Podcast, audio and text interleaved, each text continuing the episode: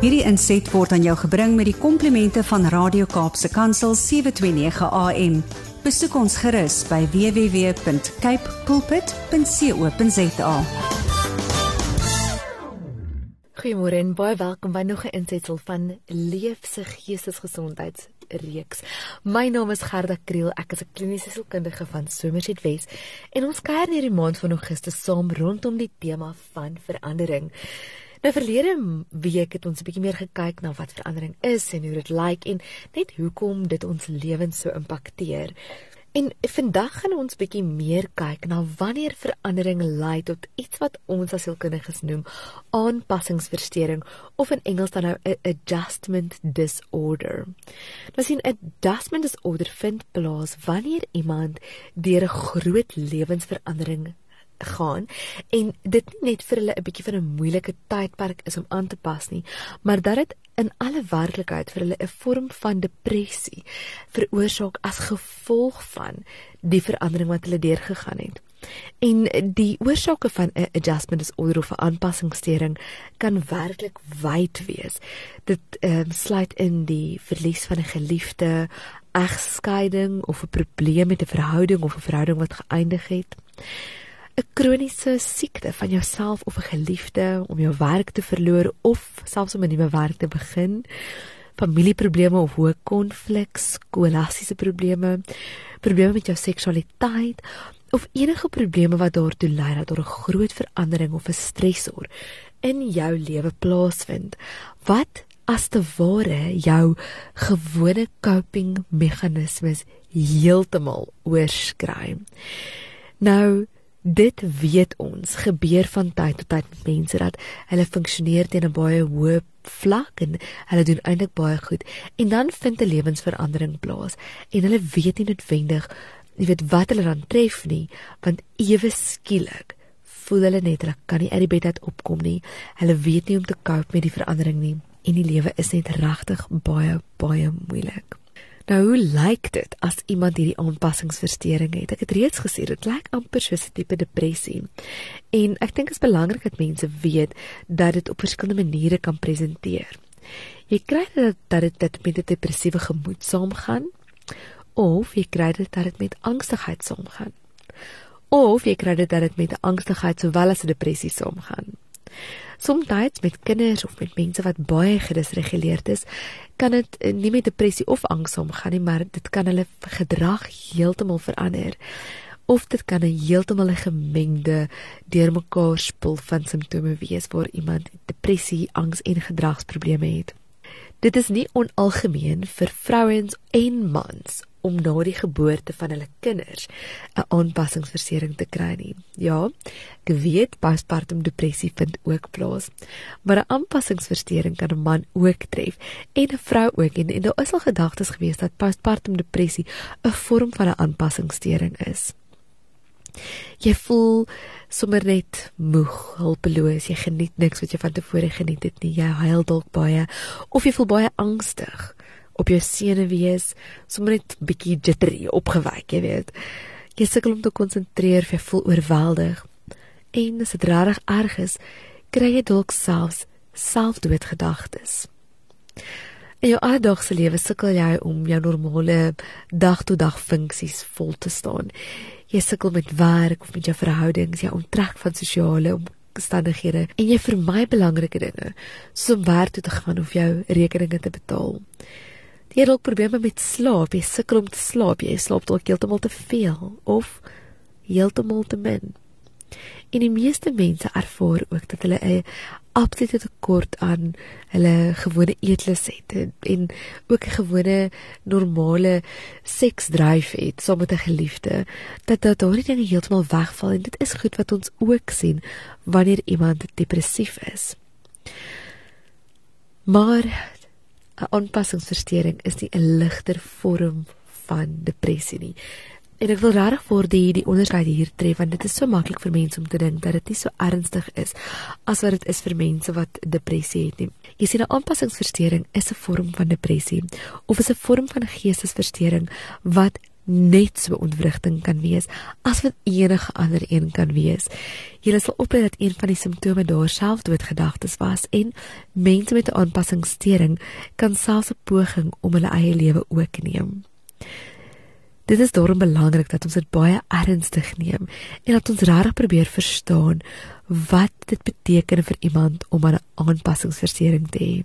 Nou wat ons weet is dat aanpassingsversteuring net plaasvind in die in die um teenwoordigheid van 'n merkbare observeerbare stresor of verandering wat binne 3 maande plaasvind vandat jy simptome kry.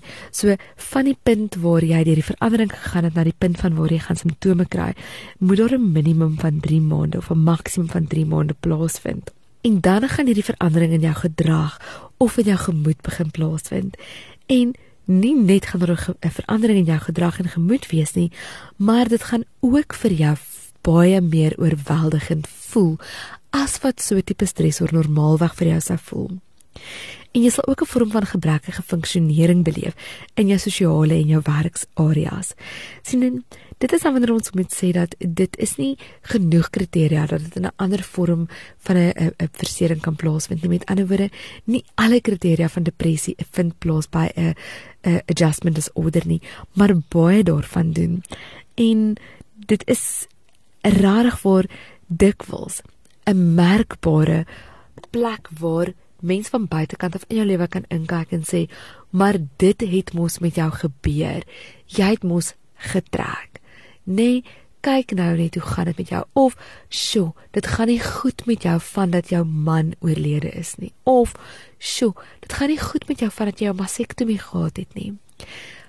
Ons praat nie genoeg daaroor nie, maar fisieke siekte kan ook lei tot geestesgesondheidsprobleme en een van die mees algemene is vir 'n verandering, vir 'n adjustment disorder, 'n aanpassingssteuring, veral wanneer die siekte waarmee jy moet saamleef kronies of terminaal van aard is.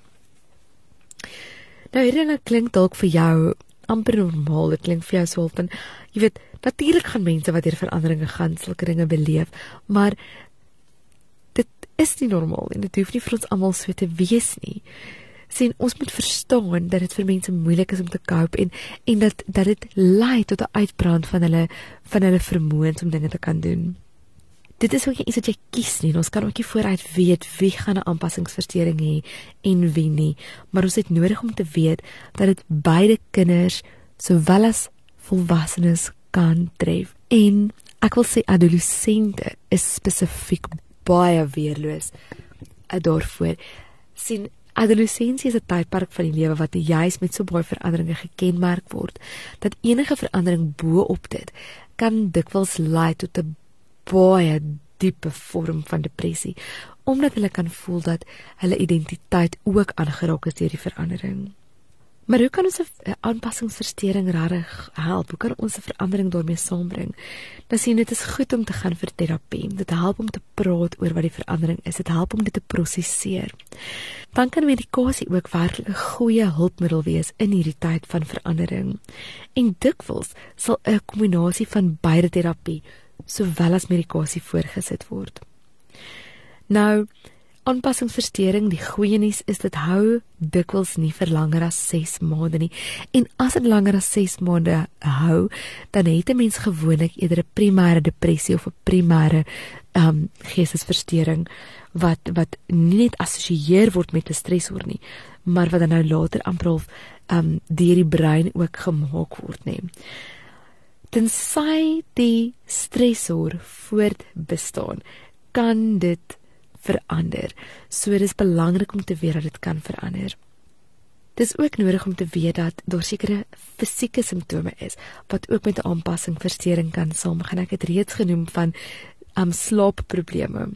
Maar dit kan ook wees dat jy geweldige moegheid beleef, dat jy liggaamspyn of seerheid beleef, dat jou spiere saamtrek of dat jy spysverteringsprobleme begin beleef. Nou, Hierdie raak baie interessant want ons is baie maklik om te sê nee, wat ek het glad nie enige probleme sielkundig nie.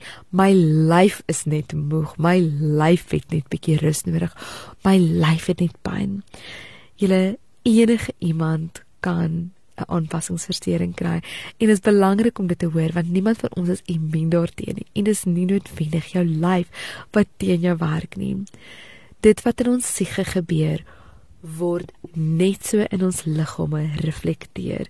So dit is belangrik dat jy weet dat jou liggaam baie keer die taal praat wat jou gedagtes nie jou toelaat om te praat nie. As jy dink dat jy in losse tyd hier groot veranderinge is en jy moontlik aanpassingsversteuring het, wil ek jou tog vra om uit te reik en vir jou hulp te kry. Kontak 'n broeder of 'n sielkundige of 'n pastoor of iemand om mee te praat en net vir jou dinge weer in perspektief te help plaas. Baie mense vra, wat help dit om te praat? Wat help dit om te praat oor jou probleme? Jy sien terwyl jy praat, is jy besig met 'n baie belangrike integrasiewerk in jou brein. En word die dele van jou trauma, word die dele van dit waarmee jy sukkel, eintlik vir jou brein opgebreek in klein stukkies en herrangskik op 'n manier wat meer verteerbaar is. En dikwels voel mense nadat hulle 'n ding deurgepraat het by 'n terapeut, skielik asof hulle net 'n vars perspektief daarop het. Het sou vir terapeut raad gegee of nie en 'n goeie terapeut doen juist dit nie, maar die die die antwoord kom van self. En ek wil julle regtig uitnooi praat met iemand as jy voel dat jy deur 'n moeilike tyd gaan, dat jy dalk 'n aanpassingsversteuring het. En as jy 'n ouer is of 'n uh, 'n uh, uh, huweliksmaat is of 'n vriend of 'n vriendin is wat na iemand in jou lewe kyk, 'n kind of 'n kollega of 'n huweliksmaat of 'n vriend of 'n vriendin of 'n ouer en jy sê luister hierson. Hierdie geliefde in my lewe kry swaar, hulle het 'n aanpassingsversteuring. Gaan sit by hulle en wil vandag vir julle raad gee, moet nooit iemand se respons op 'n verandering in hulle lewe afmaak as nietig nie. As hulle wil hartseer wees oor 'n hondjie wat dood is en is erg vir hulle, laat dit toe om vir hulle erg te wees. Ons weet nie wat is vir die mense rondom ons erg of swaar of moeilik nie. Ons weet dat almal hanteer veranderinge anders. En jy weet nooit wie gaan die potensiaal vir aanpassingsversteuring hê nie. Wees jy die verskil wat jy in iemand anders se lewe wil sien deur net te luister en net daar te wees vir die mense in jou lewe. Mag elkeen van julle 'n geseënde week hê en kom kuier gerus volgende week weer saam. Wanneer ons 'n bietjie kyk na die behandeling van aanpassingsversteuring, ons gaan dit in diepte uitpak en kyk watter tipe terapie werklik effektief is daarvoor. Kom kuier saam en bring julle vrae, stuur vir ons asseblief e-posse. Onthou in die laaste maandag van die maand kuier ek in die ateljee saam met Andri en dit is lekker om dan saam met julle te kan kuier en te hoor wat julle gedagtes is oor hierdie reeks. Mag julle 'n goeie en geseënde week hê. Ek kuier volgende week weer saam. Totsiens. Hierdie inset was aan jou gebring met die komplimente van Radio Kaapse Kansel 729 AM. Besoek ons gerus by www.cape pulpit.co.za.